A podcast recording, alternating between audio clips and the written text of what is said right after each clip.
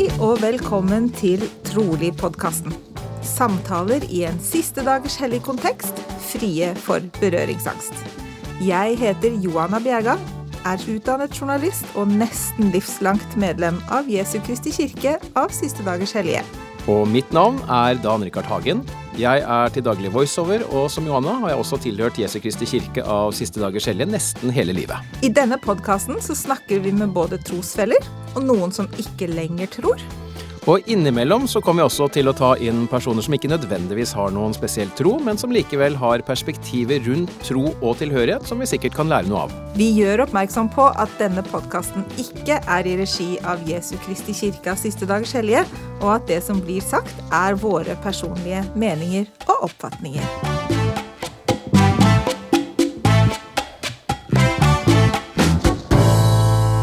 I dagens episode skal vi snakke med en kar som man vel strengt tatt må ha bodd under en stein de siste årene, tror jeg, hvis man ikke har fått med seg hvem han er, for vi snakker altså da om psykolog og professor Bjarne Hansen. Ja, dette er kanskje det nærmeste vi kommer en kjendis her i podkasten, eller hva? Ja, det tror jeg helt sikkert. Og de fleste vil kanskje kjenne ham fra TV-serien Syk forandring, som gikk for noen år tilbake, eller da fra diverse avis- eller magasinartikler om da The Bergen Four Day Treatment, som da er behandlingsopplegget han og en kollega har utviklet, som har fått mye oppmerksomhet og anerkjennelse både nasjonalt og internasjonalt. Og selv så beskriver han seg slik heterofil, hvit og gift, trebarnsfar i 40-årene, høyremann, siste dagers hellig, feminist og homoaktivist. Vi gledet oss masse til denne episoden som vanlig, og vi ble ikke skuffa. Bjarne leverte, kan du si. Det kan vi trygt si, og noe av det som vi kommer innom i dagens episode, er blant annet hvordan psykiske lidelser er noe man har, og ikke er noe man er. Ja, og at det er hjelp å få. Nemlig. Kjør episode! Uh -huh.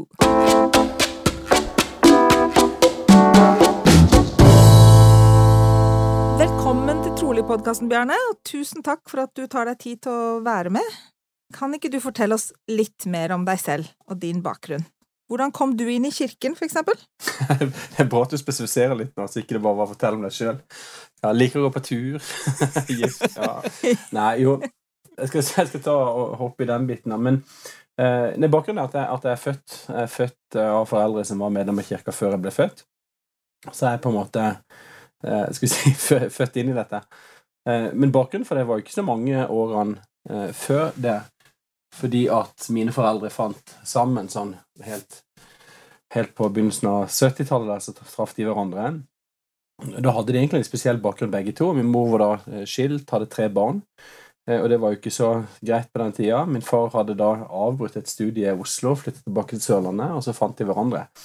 Eh, og så tok det ikke veldig lang tid før de møtte to, to veldig hyggelige amerikanske gutter som kom på døra.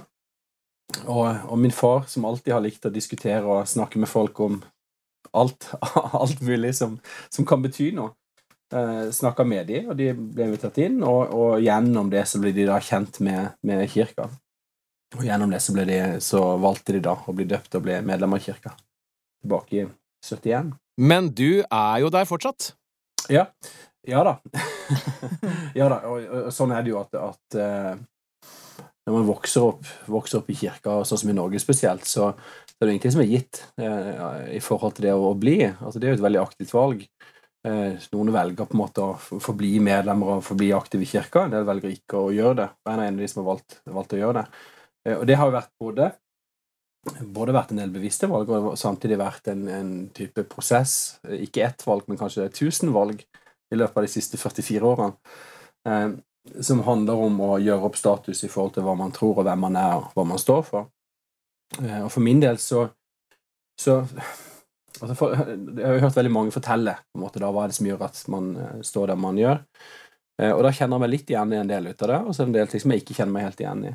Og jeg tror at jeg har blitt Skal vi si Jeg har en sånn iboende greie som handler om at det å tro og det å være troende at det, det, er en veldig grunnleggende og veldig sånn Ja, hva skal jeg si for noe? Veldig sånn greie med meg som, som, som ligger der, og og veldig fast. Og egentlig alltid har gjort det. Sånn at de gangene jeg på en måte har kjent både på tvil og vært usikker og kanskje vært irritert av sinn, eller hva det er for noe i forhold til kirke og religion og Gud og sånn, så, så, så stikker det mye mindre dypt enn troen gjør. Interessant. Ja, hvor- Hvorfor tror du det? Er det basert på, på at du bare holder sånn fast, eller er det Hva er, hva er det som gjør at, at uh, egentlig tvilen din er svakere enn troen? Jeg tror det handler om at, at jeg skulle, jeg skulle ønske jeg visste eh, alt, fordi at jeg ser jo at det er noen som, eh, som har det sånn, så det er kanskje andre som ikke har det helt sånn, så jeg vet ikke helt. Men, men, jeg, men, men det er mye lettere egentlig å svare på hva, hva, ja, men hva er det for noe rart? Hva er dette for noen greier? Mm. Og, og for min del så er det sånn at, at eh, det, det ville vært veldig fremmed for meg å skulle slutte å ha den type relasjon eller den type um, opplevelse av kontakt, opplevelse av mening, som jeg opplever at min tro gir meg. Sånn at at, at um, jeg, jeg, jeg tror Ja. Så, så, så, så det, det er to ting, da. Det ene er at, at det ligger der på en måte noe som, som betyr mye for meg, og noe som er en del av den jeg er. Eh, samtidig som det også ligger der som noe å sette veldig pris på. Jeg skal, jeg skal si, si, si litt mer om akkurat det. Fordi, fordi at det, det, er, det er litt sånn at noen ganger så blir spørsmål så store eh, at svarene blir ganske ufokusert. Mm. Sant? Eh, og, og det er ikke fordi at ikke det finnes, at ikke det finnes klare, tydelige svar. Det er bare sånn at det finnes ti svar, eller hundre svar. Ja, ikke sant? Og, og da er det litt sånn at man må, må nesten velge. Så man må liksom velge hvilket svar, svar Hvilket spørsmål skal jeg svare på nå? sånn at det blir mer fokusert, da. Men jeg tror Ja. Nei, men det, og det er litt sånn Det er litt sånn at for min del så så, så tror jeg for eksempel at, at, eh, at at det å være opptatt av verdier, det å være opptatt av hva man tror og hva man står for, er kjempeviktig. Jeg trenger det virkelig, og, og jeg opplever at det gir mening, og jeg har ingen interesse av å skulle slutte å være sånn. At, at, eh, at det er ting som betyr mye for meg, og som jeg er villig til å stå for i ulike sammenhenger. Sånn er det nå. Mm. Eh, og, og da gjelder det samtidig at, at man trenger, eh, i hvert fall for min del, at jeg trenger eh, å se noe sted. Til, altså, hvem er mine eksempler her i livet? Hvem er det jeg setter pris på? Hvem er det jeg opplever representerer de verdiene som jeg, som jeg ønsker å representere? De tingene som jeg ønsker å stå for?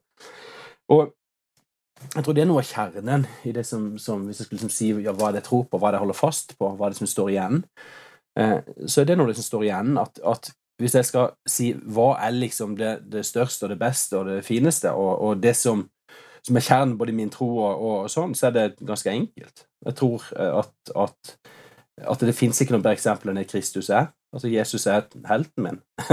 Mm. Og jeg tror det er det som står fast, at, at jeg, kan, jeg kan på en måte både tro og tvile på fryktelig mange ting, og sånt, men akkurat det står bom fast. Ja. Jeg har, jeg har en, og det har Johanne også, vi har en hel drøss med spørsmål som vi håper at vi både husker og får tid til å, å stille deg eh, i løpet av eh, den tiden vi skal snakke sammen. Men det er én ting jeg tenker på, uten å foregripe begivenhetens gang her i forhold til hva vi har planlagt, men ser du noen um, kontrast, eller noe Ikke kontrast, men er det noen motsetning i det du jobber med som eh, Eh, psykolog eller psykiater mest korrekte? Psykolog, psykolog er det riktige. Ja, ja sorry. Bare så vi har det på det rette her.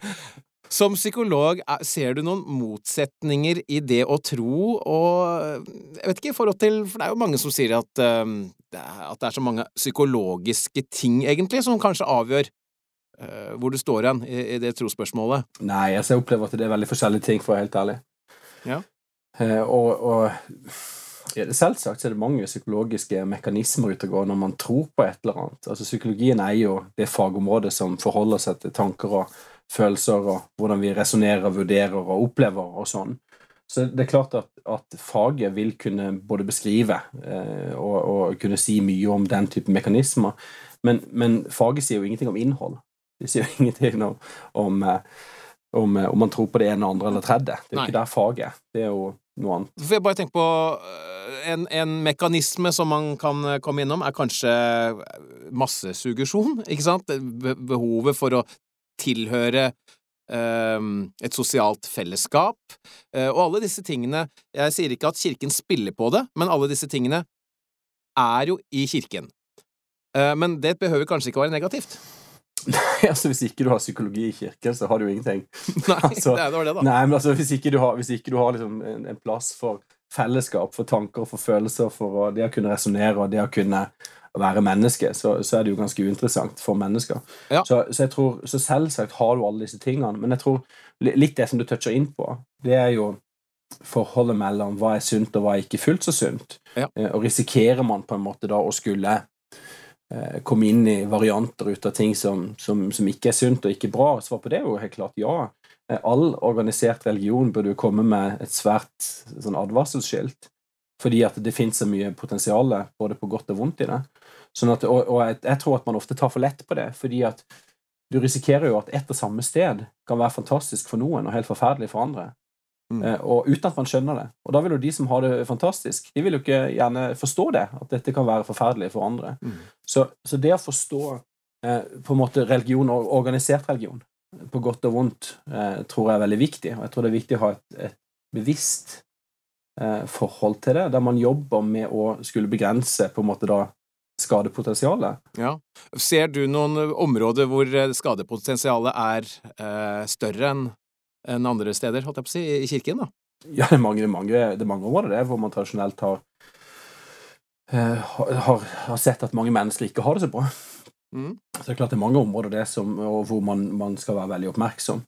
Eh, og jeg så nettopp nå var det en stor artikkel om dette som går på, på skyld og skam og opplevelse i forhold til egen seksualitet. Og, og det er klart det er jo en gjenganger at det er mange som har opplevd at, at man i, kirkens iver etter å hjelpe mennesker skulle finne seg sjøl og få trygge, gode rammer for livet sitt, så har man endt opp med fryktelig mye skyld og skam og opplevelse og en fremmedgjøring, da, hvor man opplever at man, man mm, kanskje mister nettopp det man ønsker å hjelpe og legge til rette for, nemlig at folk skal kunne få gode liv der de er sammen og kan finne partner og ha det greit og sånn.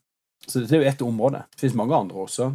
Hva tror du eh, Hva tenker du Har du noe litt sånn konkrete forslag til, til hvordan man kan gripe det an? Altså hvordan man kan gjøre det, jeg håper å si, sunnere og mindre Ja, mindre skambelagt, Ja. da.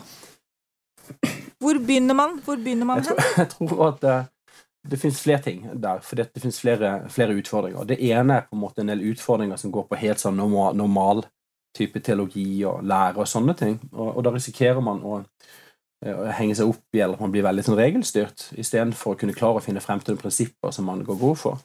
Så, så generelt det å fokusere på, på prinsipper eh, fremfor på en måte å bli regelryttere, tror jeg er veldig viktig. Og da tror jeg veldig mange også ville tenkt seg litt om i forhold til de tingene de ellers ville sagt. Eh, fordi at du risikerer at folk som egentlig mener det samme når det kommer til prinsipper, ender opp med å si ting som blir ganske dømmende og ganske kjipt når det kommer til regler og praksis. Så, så det er det første.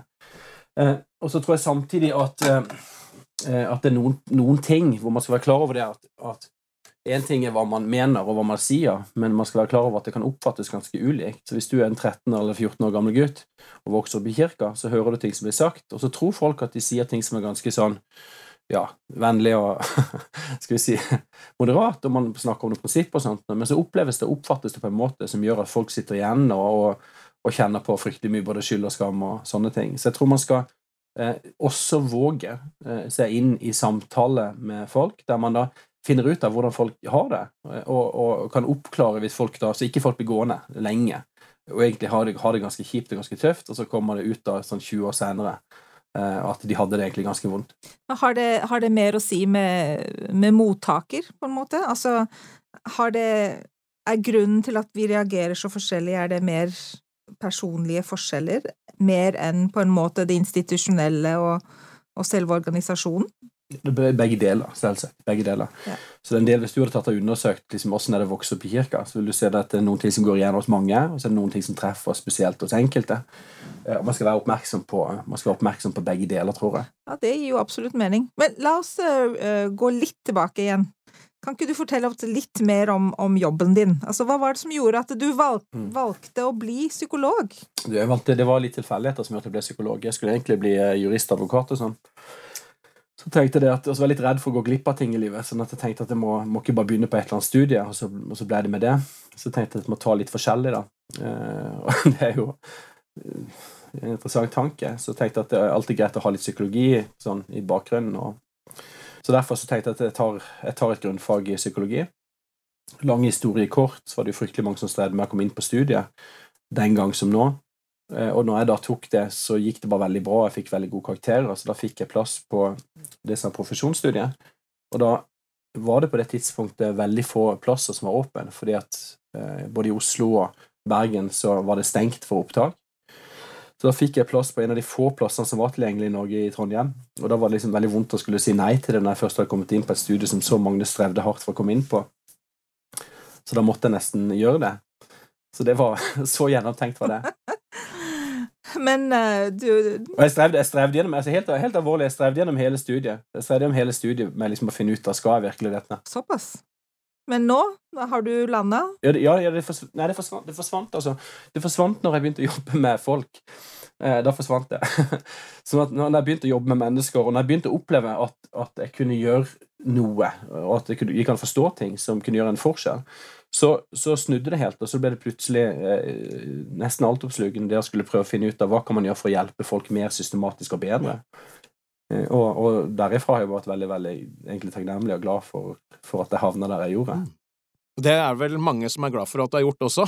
Jeg håper det. Jeg håper det. Ja. Altså, du er på en måte posterboy for behandling av OCD-lidelser. Det er jo på en måte det du kanskje er mest kjent for. Hvorfor eh, ble det akkurat, eh, akkurat OCD? Det er jo, det er jo nok å ta av. Ut ifra det, ja, det jeg har sagt så langt, så kan du tenke deg hvor tilfeldig det var. Så, det var jo akkurat det, samme. Det akkurat det samme. Skal få, skal få kort, kort, versjon på akkurat det. Men det var sånn at når, når, eh, når jeg var på studiet og nærma meg det jeg skulle ha hovedpraksis, da skulle du ut og jobbe et halvt år, og det er liksom noe av det siste du gjør, så, så hadde jeg meldt meg opp og litt sånn, litt sånn ikke, tenkte ikke så mye på hva jeg skulle gjøre, sånn, men hadde bare fått en plass. Og så, og, så, og så, måtte jeg begynne å tenke, egentlig litt sånn for første gang, da, på hva jeg skal gjøre for noe med det her. Og, så, og da begynte jeg å tenke og oppdage at den plassen jeg har fått, det går ikke. Jeg kan ikke gjøre det. Det blir bare feil. Mm. Eh, og det var en blanding ut av, en anerkjennelse at jeg har ikke peiling på hva jeg skal gjøre for noe.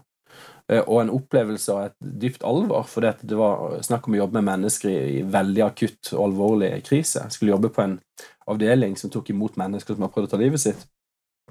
Eh, på sykehuset, en sånn intox-avdeling. Og, og, da var min jobb som student å snakke en eller to ganger med dem før de så dro ut igjen.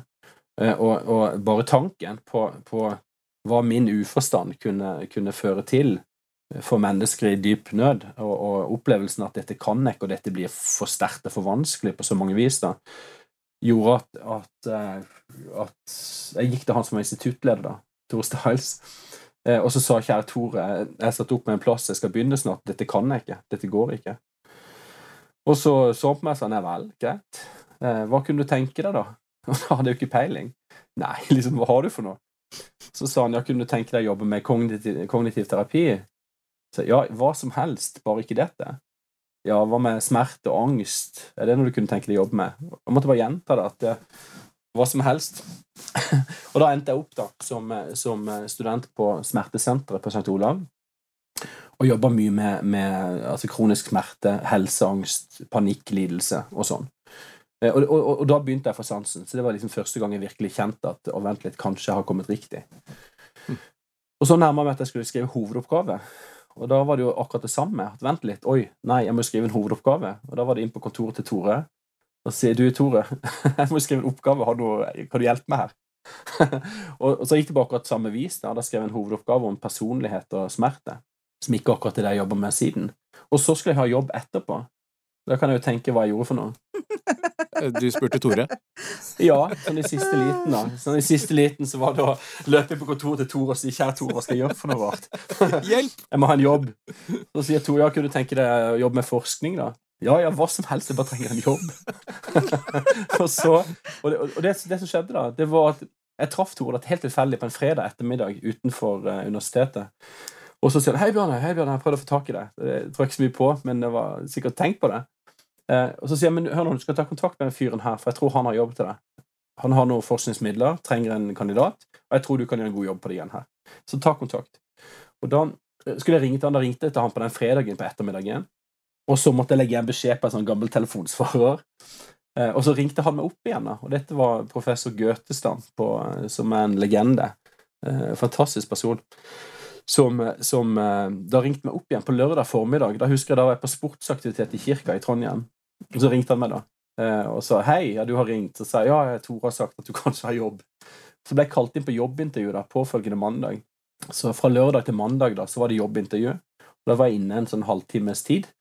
Og så sa han jeg vet ikke om jeg kan ansette det sånn direkte. Jeg må ta en telefon. Og så ringte han rundt til noe fakultet, et eller annet. Og så kom jeg inn igjen og sa at ja, flott, du har fått jobb. Og det var en jobb som da gikk ut på å skulle jobbe med forskning knytta til tvangsledelse hos det. Så, så gjennomtenkt var det. Men uh, det er jo nesten fristende å tenke at ja, men det var jo en styrelse. Det var jo en mening med det. Ja. Tror du det? Nei, jeg vet. Jeg vet ikke. Altså, det, er ikke For å si det sånn, da, altså, med, med tro og religion så er det liksom ikke det som, som uh, min greie. Den der Jo, ja, tja. Kunne sikkert gjort mye annet rart i livet som var bra på et eller annet vis. og sånt. Så jeg, jeg vet ikke det greiene der. Jeg syns eh, tanken på altså, sånn determinisme og sånt, noe som handler om at, at, det er liksom forutbestemt, og det må bli sånn som det blir, og sånn, det, det kan godt være at det stemmer, eh, både fra et religiøst og ikke-religiøst perspektiv, at når, liksom, når, ballen begynte å rulle, så var det gitt at tusen år seinere skulle han treffe der og der og der, og sånt noe. Men det er veldig lite konstruktivt. Ja. Så jeg har, jeg har, et veldig sånn pragmatisk forhold til det, som handler om at eh, at jeg velger å ikke forholde meg til type determinisme. Men det syns jeg høres ut som en eh, fornuftig eh, tilnærming. Nå, jeg har lest at dere tenker ja, Jeg tror du må forklare litt om denne, denne metoden som dere er blitt uh, så kjent for. Ja, Fortell litt om det. Ja, altså i, for, i, forhold til det som er altså The Bergen Four Day Treatment, eller firedagsbehandling som vi gir, så er det et behandlingsformat. Ehm, som jeg og en eh, kollega, Jørg Kvalle, eh, utarbeidet sammen. Eh, og der vi hadde på en måte våre bidrag inn i det. For min del så var mye av bakgrunnen det som jeg hadde gjort allerede i forhold til angst. fordi at når jeg begynte på i denne stipendiatstillingen, så var det litt tilfeldig at jeg havna inn i det. Men når jeg først starta, var det kjempespennende fra første stund. Og noe av oppgaven her var prøve å finne ut noe lurt som gjør at behandlingen blir bedre. Det var liksom bestillingen. Og så var jeg veldig interessert i arbeid som andre hadde gjort, der de viste at måten du gjennomfører eksponeringstrening hvis man har angst, at måten du gjør det på, kan ha stor betydning for resultatet, hvor mye effekt du har. Da det en gjeng i England som hadde eh, jobba med det, med panikklidelse, og vist at forklaringen du gir for eksponeringen, hvorfor det virker og hvordan man skal gjøre det, har betydning. Og da gjorde jeg eh, i utgangspunktet en studie der jeg testa ut litt av det samme som de hadde gjort i forhold til tvangsledelse. Men så oppdaga jeg at det som så ut til å være forskjellen på de som lyktes, og de som ikke gjorde det, det var ikke disse forklaringene i og for seg, men det var helt andre aspekter ved gjennomføringa av eksponeringa. Eh, og så gikk jeg videre på det. Da jobba en del med, med, det som er kalt for repetert ensesjonsbehandling. Hele poenget var at, det er en litt annen måte å ramme inn, en annen måte å gjennomføre eksponering på. En annen måte å, å planlegge gjennomføring på. sånt. Jeg skal ikke gå fryktelig i detalj på det nå. Poenget var at senere så Og da, da jobber jeg med det eh, sånn poliklinisk der, i forhold til forskning og i forhold til det å gi behandling. Men samtidig så opplevde jeg at det største problemet var, var ikke nødvendigvis på det tidspunktet at vi ikke hadde god nok behandling. Det største problemet var at man ikke klarte å få behandlinger som allerede var godt kjent, ut til de som trenger det. Sånn at behandling man allerede visste var effektivt for mange på 60-tallet, var fremdeles ikke tilgjengelig for folk i Norge. Det var veldig få steder du faktisk fikk det. Eh, og det ble enda verre når jeg så på tall, jeg hadde tilgang på tall fra evaluering av opptrappingsplanen i Norge. Vi brukte fryktelig mye penger på å øke hjelpetilbudet innenfor psykiatrien i Norge. Eh, og da ble det evaluert, men, men, veldig lite av de dataene har blitt tilgjengelig. Jeg hadde tilgang på de, så jeg kunne se på en rekke ting der. Og da så jeg jo det at i nesten alle tilfeller der folk fikk OCD-diagnose, så fikk de en behandling som ikke er eh, evidensbasert. Så da ble jeg eh, nesten like opptatt av hva kan vi gjøre for å sikre at folk faktisk får tilgang til hjelp som hjelper. Så da begynte jeg å jobbe sammen med pasientforeninger for hvordan vi kan prøve å få gjennomslag for bedre behandling til folk. Eh, og, og, og, Hemmeligheten der var å sikre at man får mer spesialiserte eh, enheter som da blir veldig gode på det greiene her, istedenfor å spre dette på absolutt alle behandlere, når det er relativt få som har denne lidelsen. Eh, så, så, da var fokus en periode minst like mye på det som går på implementering og spredning av god behandling. Eh, når jeg fikk gjennomslag for det, når liksom helseministeren og andre sa at ja, dette skal vi gjøre, eh, og det var bestemt at jeg skulle bli prosjektleder for det og være med å opprette 30 team i Norge, så ga jo det muligheter igjen til å tenke på hva kan vi nå gjøre for å forbedre behandlingen. Så først eh, sørge for at vi har en infrastruktur som gir den beste behandlingen. Men når du har det, så kan du jo samtidig begynne å tenke på hva kan vi utvikle av god behandling som i neste omgang kan implementeres. Og På det tidspunktet så møtte jeg Gerd Kvale, og så satte vi oss sammen da, for å utvikle noe vi hadde tro på kunne bli enda bedre. Og Da var resultatet da, denne firedagersbehandlingen. Eh, jeg har, eh, jeg har lest at dere tenker at den behandlingsmetoden egentlig kan overføres til andre psykiske lidelser også? Når vil vi kunne se at det på en måte rulles ut og brukes i andre sammenhenger, og hvilke lidelser tenker dere at det er mest effektivt for? Nei, altså vi, vi jobber med, med altså vi, Det er ganske lenge siden vi begynte å gjøre dette på panikklidelse, og der funker det veldig bra. Eh, så resultatene er minst like gode, eh, og tilsvarende i forhold til sosial angst, der vi også har veldig gode resultater. Eh, så ulike varianter av alvorlig sosial angst og sånn, så har vi gjort det. Jeg tror jeg tror at det kan fort bli ensidig fokus på format, og så er det firedagersformatet som gjelder. Jeg tror at mange av de elementene som inngår der, eh, like godt kan rammes inn på andre måter, som er minst like effektivt. Sånn at det er ikke det er ingenting hellig på en måte med disse fire dagene og den rammen. Eh, det er mer at det har vært en praktisk tilnærming som har vist seg bra. Eh, eh både for å sikre at man da gir høy kvalitetsbehandling, men også for opplæring, fordi at man da jobber flere behandlere sammen. En del andre sånne praktiske sider ved det. Men det er ingenting hellig med det med fire dager. Jeg tror at man etter hvert kommer til å ha et mye mer at vi kommer til å ha et mye mer differensiert tilbud, der fire dagers behandling som ramme er en del av et større hele, men der mange pasienter også får samme behandlingsprinsipper eh, levert med litt andre eh, innpakninger. Eh, og For å svare på spørsmålet, Johanna, yes. så er det sånn at i forhold til disse behandlingsprinsippene som vi snakker om da. Så Hvis du frigjør det litt fra den rammen som må være fire dager, så tror jeg også at relevans i forhold til andre lidelser blir høyere. Eh, og da tror jeg det er elementer i behandlinga her som er relevant i prinsippet for alle psykiske lidelser. Som har med angst, depresjon og ja. det, det, er jo veldig, veldig spennende å tenke på, da, i og med at man ser ja, det er et annet spørsmål vi har. Altså, det, det virker jo som om det er flere og flere som sliter psykisk. Gjør de egentlig det, eller er det bare mer bevissthet rundt det? Det er begge deler. Nå, nå har det vært eh, mange som har lurt på akkurat det, fordi man undersøker ungdom, blant annet, så ser man at ja, det ser ut til en liten økning blant ungdom. Så det er sånn at Folk som måler på samme måte, kommer frem til forskjellige ting, til dels med samme ungdom. Og det er litt sånn, Hvor setter de disse cutoff-scorene sine? Så Noen sier at de har alvorlige problemer hvis snittet er tre, eller noen sier at det er to. Altså, Hvor skal man sette liksom den cutten? da? Det ser ut til å være noe økning, spesielt blant unge jenter. Eh, vi vet ikke helt hvorfor. Det kan både være forventninger, det kan være litt fokus, og det kan være reelt at noen har det verre enn det de hadde før. Men jeg, jeg tror akkurat det med forverring, altså økning Sett at du har fryktelig mange i utgangspunktet som har et problem, og så får du litt flere. Mm. Sant? Så det er jo klart, det at det ble litt flere, gjør jo at det blir viktigere. Men det var jo egentlig viktig allerede. Sånn at for min del så er det ikke egentlig den økningen som, som er, Jeg syns ikke økningen i seg selv det som skal stå i fokus. Jeg synes det er, For det, selv om ikke vi hadde hatt en økning, så har vi kjempeproblemer som må løses på gode måter. Og jeg tror noen ganger at fokus på den økningen gjør at man kan gå for dårligere løsninger. Ja, ok. Hvordan da? Nei, hvis, på, hvis du har en pil som peker oppover, så sier du at dette er utviklingen. Og så er det oi, oi, oi. Da er det bare liksom tegne og, og se liksom, ja, to år fremover. Hvor mange er det da? Fem år fremover. Og så ender det opp til at om ti år til så har 120% av befolkningen et alvorlig psykisk problem. Og det, det blir absurd. Eh, og, og, da risikerer man at folk begynner å tenke oi, med så mange mennesker som har problemer, så må vi få ut et eller annet så fort som mulig til så mange som mulig. Okay. Og risikerer du å, å lage opplegg som ikke nødvendigvis er så gode, men som, som, bærer litt preg ut at det er kriseløsninger for å møte noe man er livredd skal ta helt av. Mm.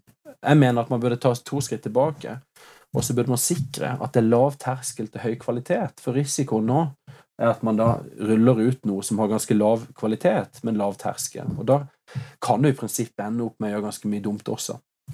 Så veldig mange gode, altså veldig mange tiltak motivert ut av veldig gode intensjoner risikerer å bli rulla ut uten at det egentlig har vist seg at dette er veldig lurt, og at dette hjelper så mange. Og da, ja.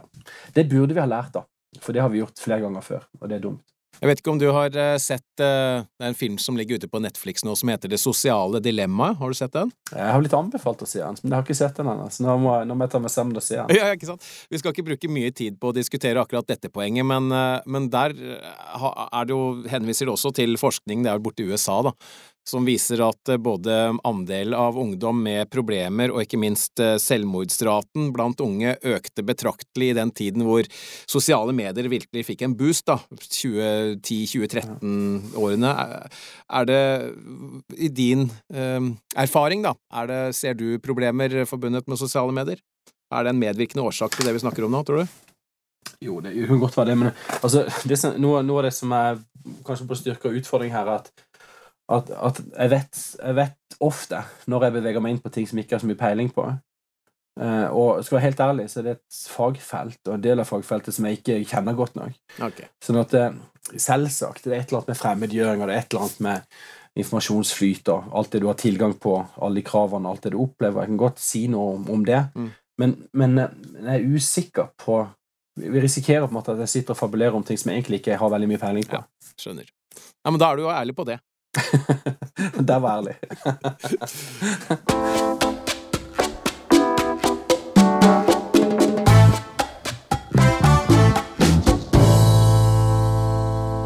En annen ting som vi har litt lyst til å snakke om, det er jo dette med psykologiske lidelser kontra religion. Mm. Vi toucha det vel så vidt innledningsvis også, men uh, hva Kanskje kan du si litt sånn generelt om uh, blandingen av psykologiske utfordringer og religion. Du nevnte jo at man burde ha et eh, varselskilt eh, i stad. Eh, utdyp det lite grann.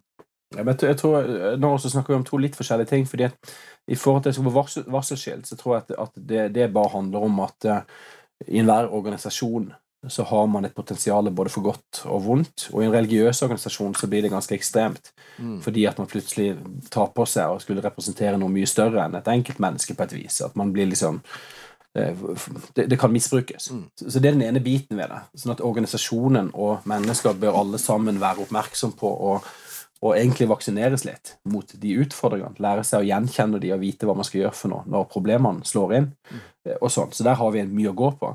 Um, og der, der, tror jeg mye av det som, som vi som organisasjon kan og bør ta tak i, minner om ting som man bør ta tak i, både om det er i ungdomsklubber og innenfor idrett, eller om andre områder hvor vi ser at det også er både overgrep og misbruk og mye dårlige ting som kan skje, og hvor det er vanskelig å komme frem og ut og, og, og sånn. Mm. Så, så, det er den biten i den. Men så er den andre biten som går på dette med psykiske lidelser og religion. Det har vært et stort felt der, mye diskusjoner rundt og sånn og hvor man på den ene sida har hatt mange som har tenkt at, at liksom, religion er nærmest en sykdom i seg sjøl. Mm. Det å skulle tro på et eller annet man ikke kan se, og et eller annet som ikke kan bevises sånt, da er man liksom ute i et eller annet spektrum. Eh, og sånn. Eh, eller at religion disponerer for eller gjør at man lettere blir psykisk syk, eller motsatt. Noen som tror at liksom, løsningen ligger i troen, og løsningen ligger i religionen. Og I alle disse ekstremene her så finner du mye rart og lite konstruktivt. da for min del så, så, har jeg veldig tro på å skille. Fordi at de tingene jeg jobber med, hvis folk har en depresjon, eller folk har en tvangslidelse, eller de har sosial angst, eller de har en spiseforstyrrelse eller en psykose, så tror jeg noe av det viktigste jeg kan gjøre, det er å klare å skille, og så, og så se på en måte religion eh, for seg, og lidelsen for seg. Eh, og For min del så har jeg opplevd at det var interessant, for sånn som jeg, når jeg jobba i Trondheim, så fikk jeg etter hvert noen pasienter som var veldig aktive i ulike kristne miljøer der oppe. Eh, og som hadde vært hos mye psykologer. Og da hadde de vært hos en del psykologer som ikke turte å ta i det. De turte ikke å snakke om religion, for det var liksom så skummelt. Mm. Eh, og, så, hadde du andre som på en måte da skulle snakke veldig mye om religion, og tenkte at der liksom lå problemet. da. Og i begge tilfeller så hadde det ikke gått noe bra. da. Eh, og for min del så var det lettere på en måte å både kunne prøve å forstå hva, hva er dette trosbiten og identitet og, og, disse tingene, men samtidig hjelpe de å skille og vise at du har i tillegg en psykisk lidelse som er sånn og sånn. Og nettopp det å kunne klare å skille det fra hverandre eh, fremfor å blande det sammen, var, var noe av nøkkelen, noe, noe, av det viktige for å kunne klare å hjelpe det. Eh, og det har blitt veldig viktig for meg, nettopp det å kunne klare å, å vise at, at, det er litt ulike ting. da. Det er mye lettere, det er mye lettere hvis det er fysisk sykt. da. Fordi at, at det finnes der, folk der også som begynner å blande inn religioner og kreft og sånn. Så tenker at ja, kreft har noe med tro og det har noe med sånne ting å gjøre. Men de fleste skjønner jo at nå snakker vi litt sånn forskjellige ting. Eh, og så klarer man å behandle det deretter. Mm. Og Det er litt det samme psykiske lidelser. At det å få hjelp til å kunne klare å skille det fra hverandre, og, og så gi systematisk og god hjelp for psykisk lidelse, samtidig som man kan ivareta og forholde seg til et menneske som har en tro. Mm tror jeg er viktig. Men, men jeg ser noen utfordringer uh, i det du sier, i forhold til at uh, med en sterk tro som du etterlever, uh, og kanskje hvis du også til og med tar med sånne skriftsteder som 'Den som mister livet skal finne det', osv., er det ikke fort gjort til at, at, religionen blir en så stor del, eller tar en så stor plass da i din ja, jeg er ikke psykolog, men jeg kaller det personlighet, da. At, at, at dette kan bli vanskelig materie å skille? Nei, jeg tror at det er noe av det som Jeg, jeg, tror, jeg tror, det er noe av det som eh, som inngår i gode yrkesutøvelse. Det å kunne klare å gjenkjenne lidelsen, og det å kunne klare å beskrive lidelsen, og det å kunne klare å på en måte eh, veilede ut av lidelsen. Eh, og at man kan gjøre det litt uavhengig av hvilke forestillinger folk måtte ha i livet, knytta til eh, hvem man er, og tilhørighet og tro og tvil og disse tingene. Mm. I forhold til det konkrete skriftstedet du sier, så er det et fantastisk skriftsted. Det er et fantastisk skriftsted. Eh, fordi at hvis det er noe som jeg ser hos mange mennesker, så er det den her evige kampen, altså. Den her kampen man har etter å prøve å skulle redde livet til seg sjøl eller til andre, eller til å påvirke ting du overhodet ikke kan påvirke. Mm. Og det å kunne forstå det at du risikerer å miste hele livet ditt i kampen etter å skulle bevare det, eller for å overleve, eller hva det er for noe, eh, og det å kunne klare å gjenkjenne den befrielsen som ligger i å kunne overlate noe i Guds eller skjebnens, eller hva det skal være hender, er faktisk helt fantastisk. Så den friheten man kan oppleve ved å gi slipp, gi slipp på kontroll over de tingene vi ikke skal kontrollere, er utrolig viktig. Det er fantastisk skriftsted. Det blir kanskje litt misbrukt, det skriftstedet innimellom, for eh, det er veldig lett å tolke det dit hen at eh, du skal oppgi deg selv totalt og bare gå fullt og helt inn for dette. Ja, men det, det, det er litt det samme. Det er samme hvis du leser Ibsen, det, sant? Så man leser Brand, og så leser man det her om at liksom, hva du gjør, gjør det fullt og helt, ikke stykkevis og delt og sånn, og så går folk ja. opp i det. Ja. Og dette, ble, dette, er jo liksom lest som hedersord og som sånn flott. Hvis man, hvis man leser skuespillet, så ser man jo at det er motsatt den her gale presten som driver og er superfanatisk, og som går opp i alt mulig rart av detaljer som ikke betyr noe, og til slutt ender opp med å ødelegge seg sjøl og familien alle rundt seg, nettopp fordi at han har den her fanatiske innstillinga. Sånn at hele måte, kjernen i skuespillet her er jo nettopp den galskapen og problemene som skapes når folk på en måte ikke klarer å gi slipp. Eh, og der ligger jo også kjernen, eh, etter min mening, i det som, som handler om troen på, på, på Jesus, og, og, det kunne gi slipp, altså. Det kunne skjønne hva skal vi ta ansvar for, og ta det ansvaret, og deretter hva er det vi skal gi slipp på. Veldig interessant. Nå skal jeg snu det litt på hodet, fordi et av mine store spørsmål, det må jeg jo innrømme, det er hvordan henger dette med psykiske lidelser og frelsesplanen sammen? Altså hvilken rolle har psykiske lidelser i frelsesplanen? Har de en rolle, eller Jeg, jeg må innrømme at jeg syns det er litt vanskelig, fordi i mitt hode i hvert fall så tenker jeg at psykiske lidelser det messer med menneskers handlefrihet og evne til å ta valg. Så jeg lurer på, hva tenker du? Nei, jeg, jeg, jeg, tror at det har akkurat like mye med frelsesplanen å gjøre som kreft eller fotsopp. Eh, at det er på en måte bugs, det er noe dritt som kan ødelegge for oss. Så det er klart at kreft og fotsopp begrenser jo også våre muligheter til å kunne handle fritt her i verden. Sånn at jeg, jeg, jeg, jeg ser ikke Jeg, velger, og jeg, ser, jeg ser ikke på det som konstruktivt å skulle blande teologi inn sånn som det. Eh, og det handler litt om at folk identifiserer seg litt for mye med sine lidelser eh, når det kommer til psykisk lidelse. Man identifiserer seg i ganske liten grad med et armbrudd eller med kreft. Det er noe man rammes av. Eh, sånn er det også med psykiske lidelser. Det er, ikke, det er ikke den du er. Du er ikke din psykiske lidelse. Eh, og, og, det er rett og slett en bøgg på samme måte som du kan ha andre, andre problemer, fysiske eller hva det skal være for noe rart. Men så, sånn at på samme måte som du kan begrenses av dine omstendigheter, sånn ytre omstendigheter, hvor du vokser opp, økonomien din eller av fysisk helse, så kan du begrenses av, av psykisk uhelse. Men jeg ser, noe, jeg ser, ikke på det som noe større eller noe annerledes enn andre problemer eller begrensninger folk kan ha i livet sitt. Ok, men hva må til da for at man skal klare å få folk flest til å begynne å se på psykisk sykdom og behandlingen av den på linje med fysisk sykdom og behandling av den? Fordi det er jo ikke til å komme vekk ifra at, at, at og, og, kanskje særlig i religiøse miljøer, så ligger det et stigma der. Det, det, det er et eller annet sånn det, det, sitter litt igjen. Det, det er endring. Akkurat det tror jeg, der tror jeg at tida jobber for oss. Og jeg tror at Noe av grunnen til at det er endring, det er fordi at vi får bedre og bedre behandling. Så jeg tror at eh, på det tidspunktet hvor man ikke har noe behandling eller noe forståelse av hva som foregår, så tyr vi til på en måte eh, forklaringsmodeller som, som kan være mer religiøse forklaringsmodeller eller mer et eller annet. Eh, og så tror jeg at etter hvert som, som man skjønner mer hva dette er for noe rart, etter hvert som man klarer å behandle det, så forsvinner de forestillingene. Så du skal ikke langt tilbake før Eh, schizofreni var besettelse, eller før, før, på en måte også kreft var straff fra Gud, liksom. Eh, eller før man ikke skjønte bæret ut av infeksjonssykdommer. Så jeg tror at med, med, økt forståelse av fenomenene og med økt mulighet til å behandle dem, så forsvinner også en del sånne, sånne teorier da, som folk måtte ha. Ja, Det var i hvert fall fortrøstningsfullt. Ja, men jeg, jeg, jo, men jeg tror, jeg, tror, jeg tror, at du kan se, du kan se stor forskjell. Altså, jeg merker jo stor forskjell hvis du tenker i kirka også fra hvordan folk forholdt seg til den type utfordringer bare for 30 år siden. Eh, oi, så gamle vi er. så merker jeg stor forskjell. fordi at, nei, fordi at jeg, har vokst opp, opp i en menighet hvor, hvor, det har vært, vært, veldig stor variasjon i forhold til hva folk har hatt av både utfordringer styrker og, og sånn. Og, og da snappa jeg jo opp tidlig hvordan ting ble omtalt. Hvordan folk snakka om andre og sånn. Jeg husker spesielt en han var grenspresident som, som som snakka om et eller annet med noe depresjon, og han hadde fått forklaringa at det var, kun, det var kun hva man spiste. Det var kun en sånn kostgreie. Og så den andre som mente at nei, det var noe med noe guder med noe demoner og noe sånn. Så jeg har liksom hørt alle de her variantene. Det er veldig få, er veldig få som, vil, som, vil, si de samme tingene som man kunne tillatt seg å si den gang. Og heldigvis for det.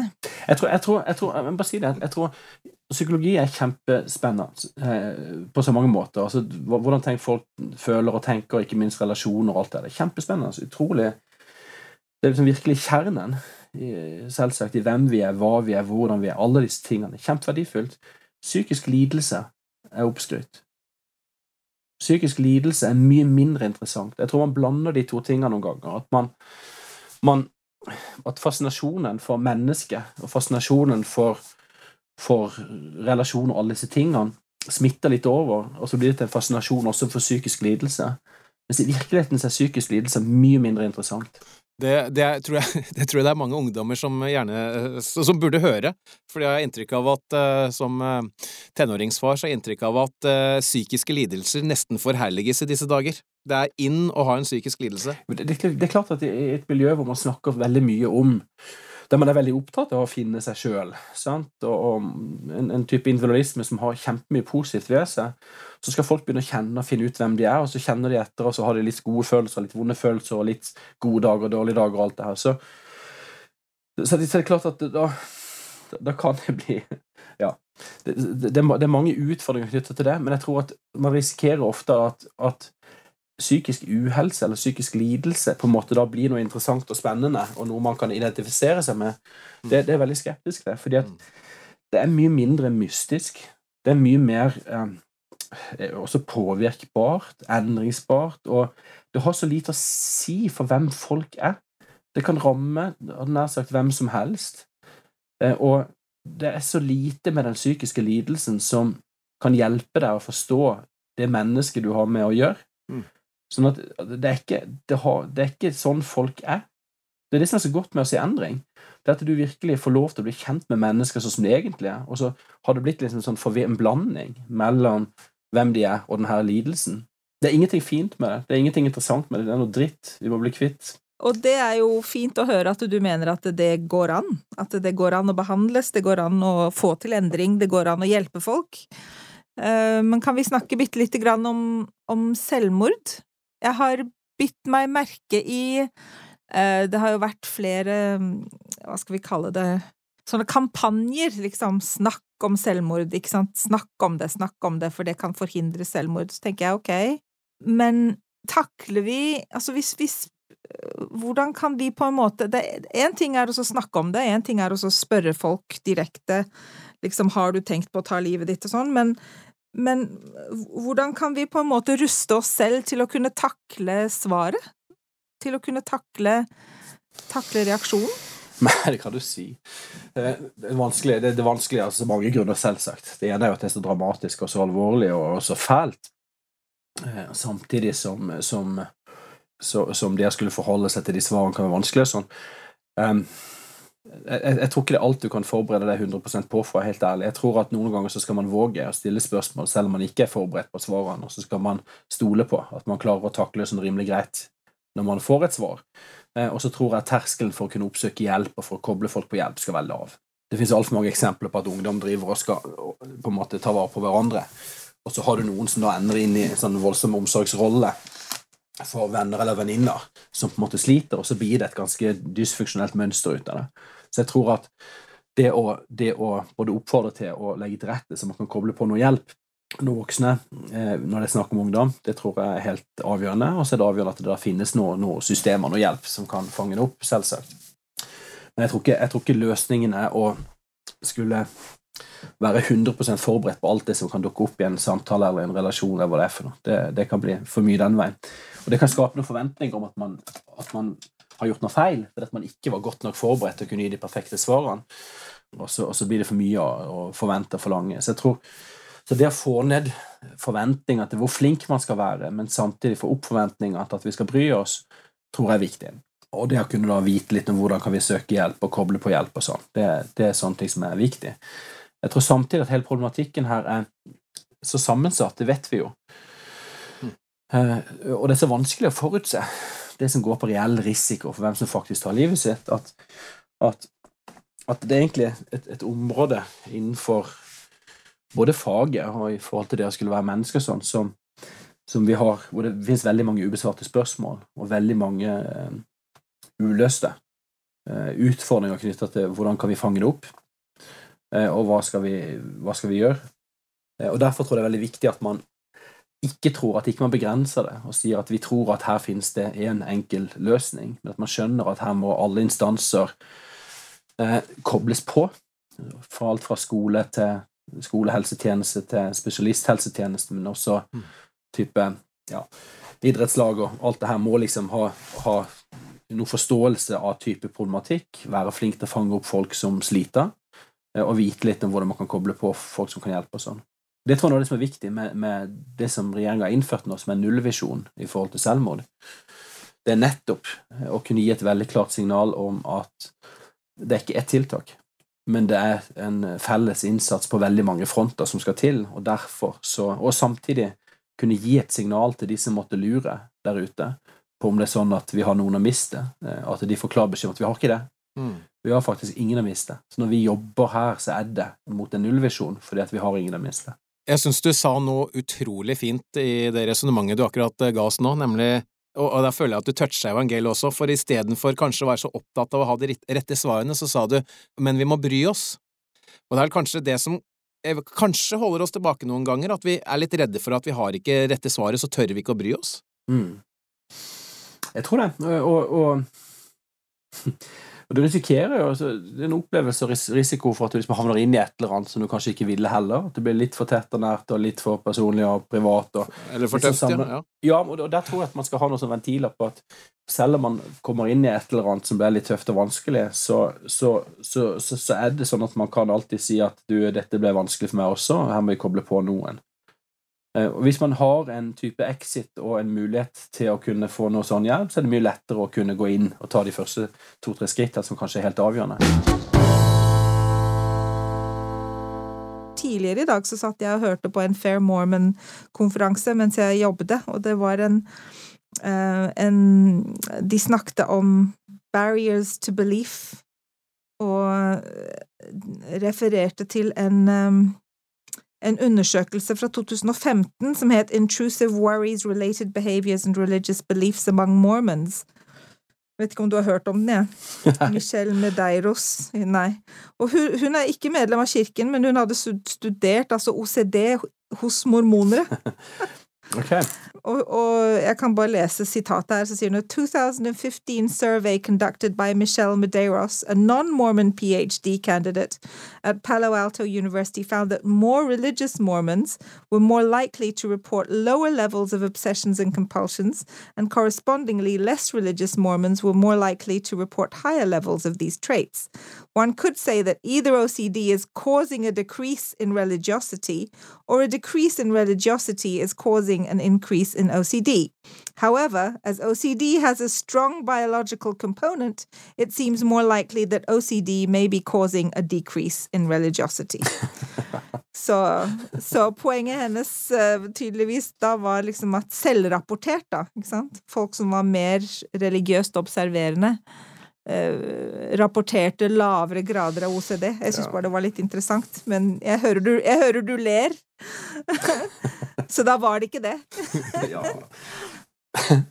ja.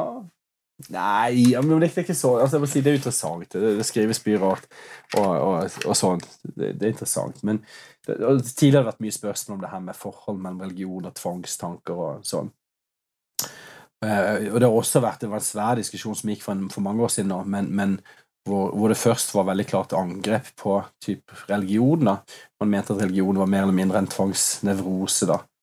Uh, og, og, hvor en professor som, uh, som er veldig sånn anerkjent professor i psykoterapi og psykologi, gikk ut og forsvarte Eh, og, og, det han gjorde, da, han, han møtte det bare med, med, en gjennomgang ut av forskningen. sånn at når folk da, når en fyr spesielt gikk ut og kritiserte religion og mente at religion skapte psykisk lidelse, så gikk han bare gjennom litteraturen og fant ut at, at det var umulig å trekke sånne konklusjoner. Fordi at du må skille mellom hvordan folk opplever sin egen religion, og blant mennesker som opplever at de har et godt forhold til egen religion, så, så det ut ute å være en beskyttende faktor. Men det er klart hvis folk var i et religiøst sammenheng de ikke følte seg hjemme i, og hadde liksom var midt oppi en troskrise, så var ikke det spesielt helsefremmende.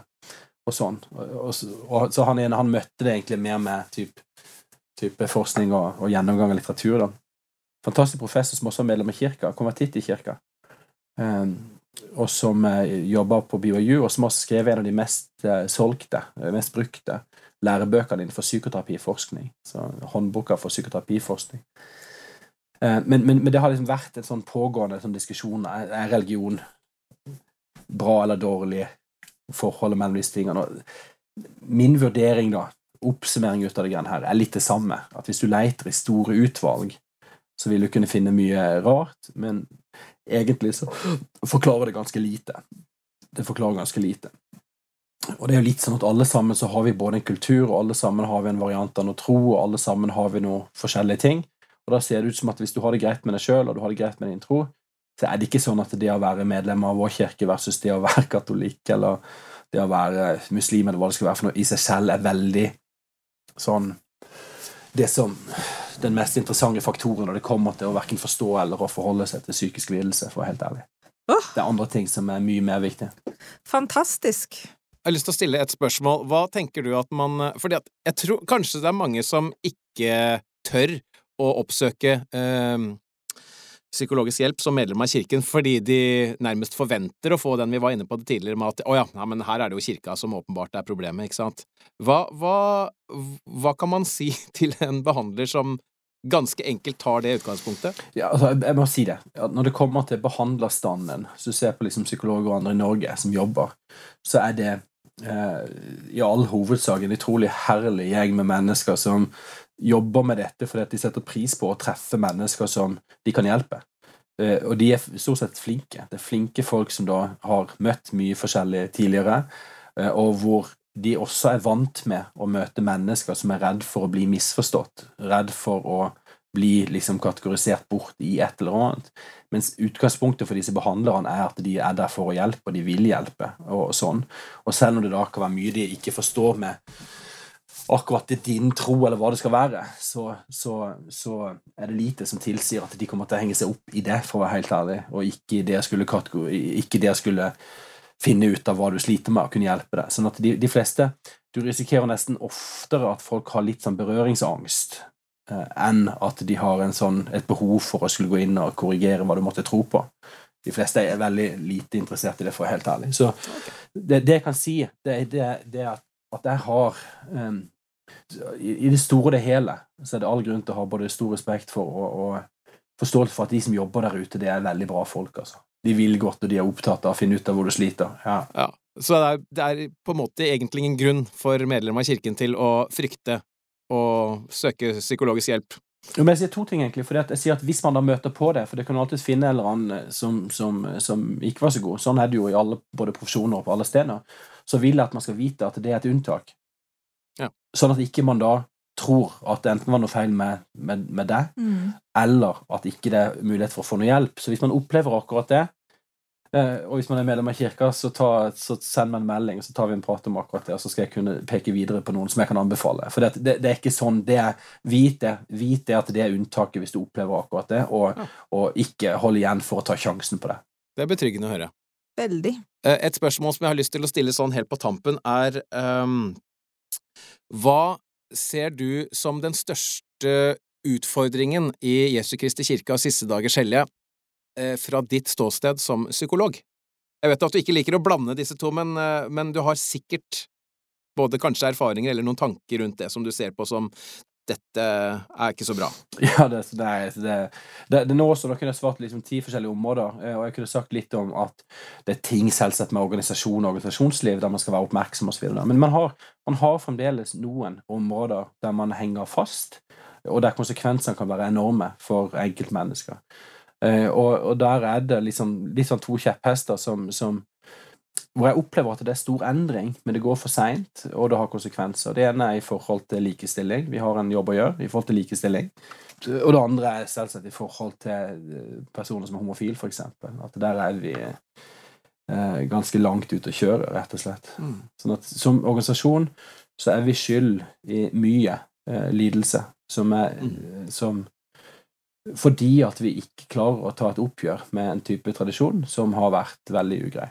Men er det, er det kulturen, er det organisasjonen som er problemet der, eller er det læren? Nei da, altså alt, alt, alt som kulturen og alt som på en måte da organisasjonen står for, har stått for opp igjennom, vil jo pakkes inn i lære. Sånn er det jo. Problemet her er at vi har en inkonsistent lære. Så vi har en lære som sier én ting på ett område, en annen ting på et andre område. Mm. Eh, Og når- du har en lærer som er inkonsistent, så må du jo selvsagt justere noen steder. Og på dette området her så er det åpenbart Hva, hva tenker du spesifikt på da, for eksempel? Altså, vi lærer at noe av det viktigste, noe av det, noe av det viktigste for et menneske er å kunne finne en annen person å være glad i, en person som du kan være sammen med, oppleve, og eh, en person som du er tiltrukket av, en person som, som, som eh, så, så at, at, de har, altså at alenegang ikke på en måte da er lykken her i livet, da. Men så har vi ikke klart å forstå at det gjelder jo også for mennesker som da eh, er homofile. Altså man, har, man har på et eller annet vis klart å gjøre et unntak, og så sier man at nei, for den gjengen så er det ikke sånn. For de som er det beste de kan oppleve i livet, det er å være alene. Og det gir jo ingen mening. Sånn at man, man har Det man på en måte da beskriver som en ulykke for en heterofil person, skal på en måte være lykke for en homofil person, og det er jo ingen mening. Mm. Og så ser man jo akkurat det samme i forhold til i forhold til hele beskrivelsen av det som, som Jesus beskriver, at på, på deres frukter skal du kjenne dem. Vi kan se hvilke frukter er det det bærer, da. Altså Kirkas politikk og policy i forhold til homofile. Hvilke frukter er det det bærer for noe? Mm. Sant? Det, det er jo veldig enkelt. Hvis du skal ta og dømme kirka ut ifra fruktene som det bærer, så er det helt forferdelig. Det er ikke veldig mye glede som skapes ut av den policyen i dag, for å være helt ærlig. Det er ikke mange mennesker som får livene sine på en måte virkelig berika ut av Kirkas policy på det området. Men jeg kan jo vise deg studie på studie og rapport på rapport som beskriver den ulykke og elendighet som det skaper. sånn at det er bare et sort felt da, hvor vi burde ta Jesus sine ord på alvor og si at både i fruktene så skal vi kjenne det, og fruktene er ikke gode. Enkelt og greit. Dette er jo et veldig vanskelig tema selvfølgelig å diskutere, og, og meningene vil jo være mange, men det som jeg syns er vanskelig, da, eh, fra mitt ståsted, det er å klare å se hvordan egentlig hvordan dette kan endre seg nok. Jeg føler på en måte at liksom den doktrinære bakgrunnen, den, den er liksom så klar. Så det er liksom Jeg hører at du kaller det for kirkens policy, men egentlig så er det jo kirkens lære, og jeg ser inkonsistensen mellom de to som du brakte frem her, med, men det blir også litt som å si at uh, uh, kjærlighet er alt, mens uh, det også kan misbrukes, ikke sant? Det er ikke sånn. Jeg, tror at du må, du må dypere i materien og si kjærlighet til alt og sånt. Men jeg tror det, det handler Hvis du ser på måten eh, disse tingene har blitt beskrevet på opp igjennom, så vil du se det at det har vært veldig prega ut av eh, et sånn todelt syn. Det ene har vært en sånn sykdomsmodell der man tenker at dette er en sykdom som noen har, og skal de bli kvitt det. Og, man, og hvis du da ser på de gale tingene man har gjort da, også i kirkeregi, de forferdelige tingene man har gjort, altså, ja, mer eller mindre tortur av mennesker eh, kledd som behandling, da. Man har drevet mm. plagd unge mennesker til å sitte og se på pornografi og få elektriske støt, og man har drevet med alt mulig rart, også delvis finansiert av kirka. Helt forferdelig. Mm.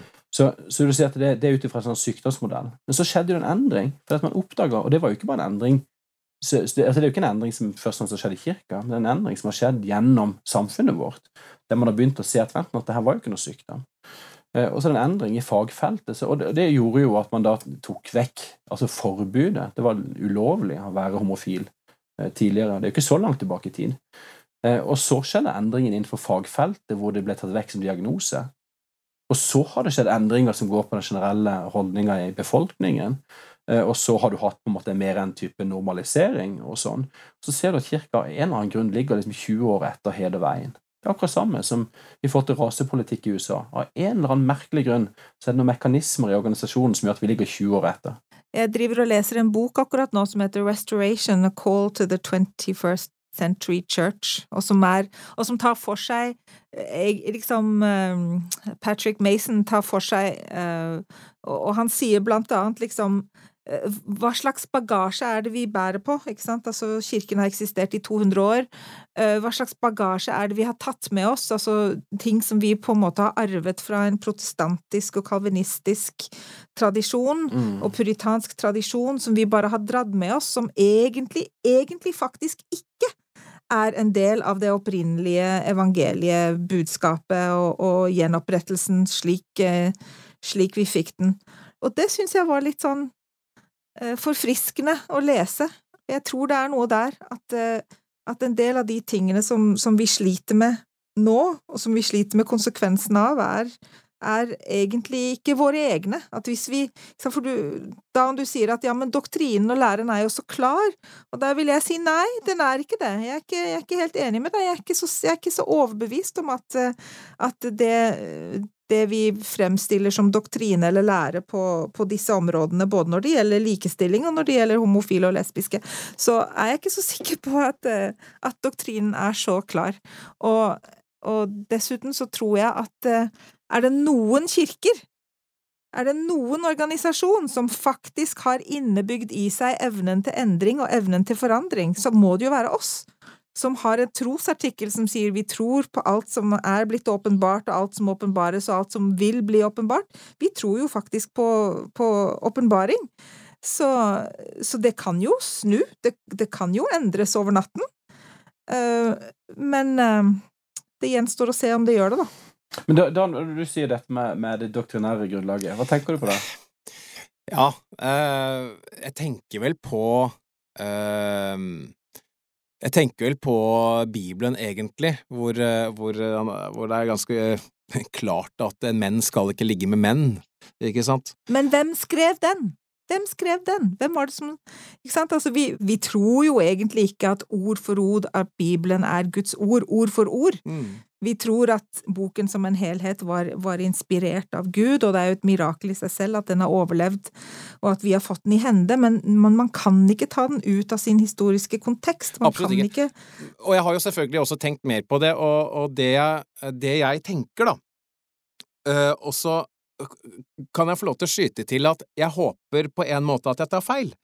For er det noe jeg også syns er trøblete, så er det akkurat dette nå, det som vi snakker om. Men med bakgrunn i min forståelse, så, det, så, tenker jeg at det er slik at eh, kirkens oppgave er først og fremst å gjøre det mulig for oss å kunne komme tilbake til Gud, som vi vet betyr å kunne bli lik Gud, altså kunne bli Gud, guder. Og i det konseptet så ligger det muligheten til å formere seg. Det er, det er liksom det det innebærer å være Gud, og dermed så, dermed så, blir det Der kommer på en måte problemet, da.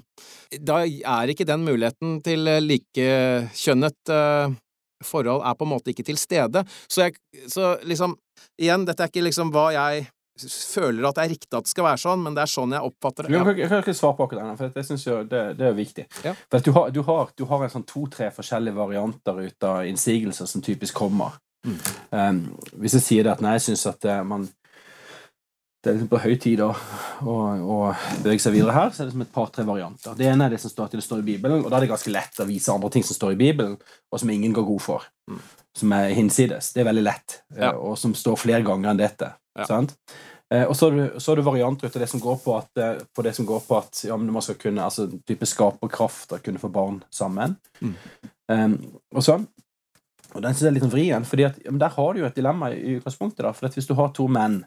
Og så er det sånn for de, at de sin eneste mulighet for å kunne treffe noen som de er glad i og tiltrukket av, som de kan være sammen med, det er hvis det er en annen mann fordi de er homofile, så er jo ikke det et alternativ å skulle gifte seg med en dame. Mm. Sant? Så de står der med et alternativ om å skulle leve et liv der de er alene. Mm. De kan prøve å leve sammen med noen som da er gifter med en dame. Det anbefalte jo kirka tidligere, så skulle du ha liksom mixed marriages. Det var liksom var det store. Så så man at det var jo fryktelig dumt. Og så har man gått bort ifra det. Der har man endra policy. Og så ser man det at, at det er mennesker som kan få kjempegode liv. Kan få det veldig godt. Eh, De kan oppleve virkelig oppleve de tingene som i hvert fall for min del er noe av det viktigste i livet, nemlig det å kunne være sammen og det kunne ha det greit. og sånn. Det kan de oppleve. Det er innenfor rekkevidde. Og så skal man da med en sånn forståelse ut at ja, men det blir ikke barn ut av det biologisk, så skal man la være. Jeg, jeg skjønner ikke det. Jeg forstår ikke hvordan i, i praksis skal For dette, hvis du tenker det her at du har ungdom i kirka, så skal du gi det et råd. Da skal du si hva anbefaler jeg deg å gjøre med livet ditt? Og så har du da perfekt friske ungdom som kan få kjempegode liv, finne noen å være glad i og leve veldig gode liv og sånt noe. Og så skal vi ende opp med å gi dem råd som øker risikoen for at de tar livet av seg kraftig. Mm. Som øker risikoen for at de ender opp med selvforakt, ender opp og har et forferdelig liv. Og det vet vi. Så skal vi gi det rådet. Hvorfor? Altså, hvem er skadelidende med at de får på en måte litt anerkjennelse og respekt, at de blir verdsatt, og at de kan få lov til å finne noen å være glad i? Hvem er skadelidende? Hvem er offeret? Hvem er det det går utover? Jeg skjønner ikke den biten. Ja, og hvis, hvis kirken ikke sant, Du sier ok, kirkens hovedmisjon er å få oss tilbake til Gud og bli som guder, og så tenker jeg, vent litt, kirkens hovedmisjon er å få oss til å komme til Kristus og tro på ham. Det har ingenting med legning å gjøre.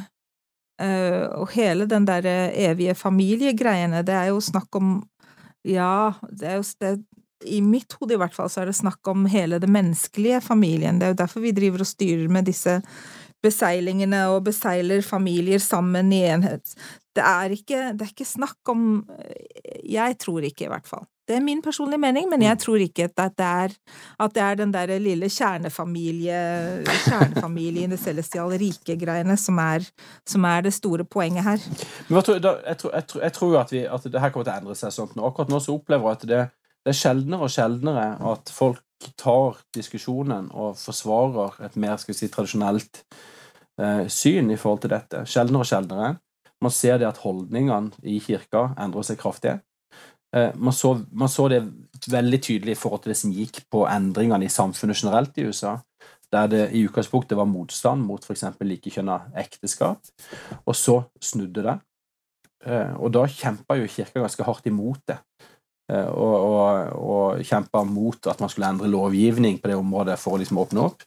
Og så ser man at på det tidspunktet så mente et veldig klart flertall i kirka at dette skal man kjempe mot, og dette er feil. Og så har det snudd. Så du ser trenden nå i kirka blant medlemmer er helt annerledes enn det det var eh, den gang.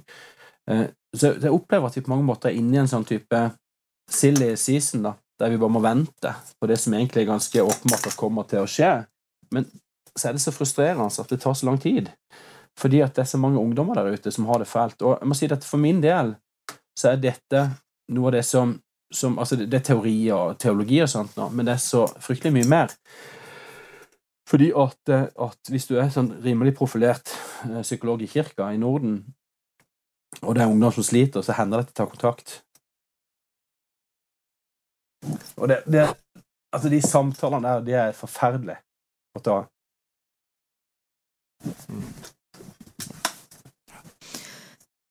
Takk for at du tar de, og takk for at du er villig til å snakke om det med oss. Jeg tror vi er i ferd med å nærme oss de, eh, de der faste postene våre, og jeg har en følelse av at jeg vet hva du vil svare på det første, når jeg sier at hva er det, hva er det vanskeligste med å tilhøre kirken? Nei, altså, det vanskeligste med å tilhøre kirken jeg, For det første, jeg syns ikke det er veldig vanskelig å tilhøre kirka. Jeg synes, Hvis jeg skulle gradere da, fra 0 til 100, hvor vanskelig er det å tilhøre Kirken, så jeg svarer på det ganske lavt. Det er ikke veldig vanskelig. Eh, noen ganger så opplever jeg fremdeles at det skaper en avstand. Eh, og jeg opplever det spesielt i forhold til de jeg skulle ønske de ikke skapte avstand i forhold til. Fordi at eh, spesielt for mange andre kristne så er det litt vel eksotisk. Altså eksotisk i en, i en grad at det skaper avstand, når ikke det burde gjøre det. Og for min del så er det viktig å både kunne si høyt og tydelig og mene at jeg er først og fremst kristen. Jeg er først og fremst kristen. Jeg er først og fremst en som, som har Jesus som min helt i livet, som opplever at det han står for, de prinsippene, de tingene han lærte, det han representerer, er det verden trenger. Jeg tror ikke at det er eksklusivt for det å være kristen. Jeg tror at alle sammen har både begreper og forestillinger og ting som gjør at man forholder seg til både forsoning og til nåde og til rettferdighet og til tilgivelse, omvendelse, alle disse tingene. Eh, men for meg er det sånn at det er uløselig knytta, for min del, til Kristus. Så det å være kristen, det å ha på en måte Jesus som helten min, at det er liksom det største. Og, og de gangene jeg syns det er vanskeligst å medlem i kirka, det er de gangene medlemskap i kirka skaper en avstand til andre mennesker som også opplever og uh, tror uh, det samme på de tingene. Og det er, så, det, er så, det er, så, unødvendig og så feil på et vis. da. Så hvis du spør meg på en måte, er jeg først og fremst medlem av kirka eller er først og fremst på en måte kristen, så er svaret veldig enkelt på det. Jeg er først og fremst kristen. Og nå til eh, den rake motsetningen. Hva syns du er det aller beste med å være medlem av kirken? Det er sånn at eh, medlemskap i kirka det er én ting, det er en organisasjon. Jeg opplever at eh, det er en organisasjon hvor jeg har en stor del av mitt nettverk, veldig mange veldig gode venner, og jeg opplever at jeg deler noe med de som, som jeg opplever som spesielt kirka representerer en veldig spesiell type kultur, der du kan reise hvor som helst i verden, og så kan du treffe mennesker, og så er man venner sånn med en gang. Man er på en måte i familie, og, og man bryr seg om hverandre, og, og, det er noe med den pionerånden, den her, den her, viljen til å stå på for hverandre, som er ganske unik. Det, jeg vet ikke om noen organisasjoner der det er flere større del av organisasjonen der folk har oppgaver, der de er engasjert, der det som skjer i menighetslivet, er menigheten som jobber for hverandre. Eh, og det synes jeg er ganske unikt. Sånn at mm. den rammen, den måten å eh, være en del i en, en menighet setter jeg veldig veldig stor pris på. Det savner jeg veldig nå under disse forferdelige koronatider. Jeg savner å være i kirka, treffe, treffe venner og kjente i kirka, være sammen med dem og oppleve det fellesskapet. Mm. Det setter jeg stor pris på. Samtidig er det sånn at det som går på tro her, er noe som selvsagt er langt mer enn det som er kirkerammen osv. Det er nå på en måte hvem er du, og hva er ditt ja, som, som, man har med seg, også uavhengig på en måte, av det fellesskapet. Amen. Amen. Og er det én ting jeg tror jeg kan si for oss begge to, uh, Johanna, at dette var forferdelig interessant samtale. Mm. I told you so. Ja, og det var en veldig god samtale.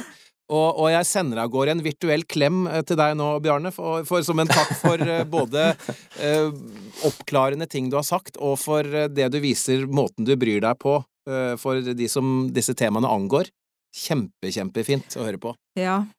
og så er det en ting jeg tenkte på som kanskje kan være en slags oppsummering, siden vi har vært så mye inne på, naturligvis, dette med psykiske utfordringer, kan vi si som så til slutt at selv om du er medlem av kirken, så er det kanskje ikke riktig å tro at kirken er svaret på alt, men hvis du har eh, problemer, øh, psykologiske problemer, så søk hjelp. Det tror jeg vi kan være veldig enige om. og samtidig er kirka heller ikke roten til alt ondt. Så hvis du har psykiske lidelser, eller får det på et eller annet tidspunkt, så er det ikke nødvendigvis troen din er religion som har skylda. Sånn at det kunne klare å finne ut av hva det du setter pris hva det folk setter pris på ved egen tro, og, og så kan man beholde det, så kan man på en måte ta renskudd og kaste vekk det som ikke skapte noe særlig godt. Og igjen, eh, det som bærer gode frukter, det skal vi ta vare på. Det som ikke bærer gode frukter, det skal vi bosse så fort som overhodet mulig. Tusen takk, eh, Bjarne. Eh, det var kjempefint. Jeg tror vi må ha en sånn uh, recurring guest. Ja. Det sier vi om alle gjestene våre, at du må komme tilbake. ja. ja. Tusen takk, Bjarne, for at du var med. Uh, det var helt kjempe. takk, takk. Godt nyttår til dere. Dette var en spennende episode, Johanna. Ja, det kan man si. Det, det, det blir jo bare morsommere og morsommere, dette her. Det gjør det, altså. Og um, hvordan vi skal toppe dette her, ja, det får jo egentlig bare tiden vise. Men vi har i hvert fall ikke tenkt å gi oss. Nei da. Så om eh, en liten uke så kommer det nyhetsbrev, og det kan man abonnere på via Facebook-siden vår. Og så kan man følge oss på Instagram og Facebook, selvfølgelig. Og vi er fremdeles interessert i både forslag til emner og forslag til gjester, og de kan du sende på e-post trolig podkast med k at gmail.com. Trolig podkast med K, som det skrives altså, at gmail.com. Vi tar mer enn gjerne imot eh, forslag på e-post. Da gjenstår vel egentlig bare å si at vi høres igjen om to uker, og så ønsker vi alle sammen et riktig godt nyttår. Godt nytt år!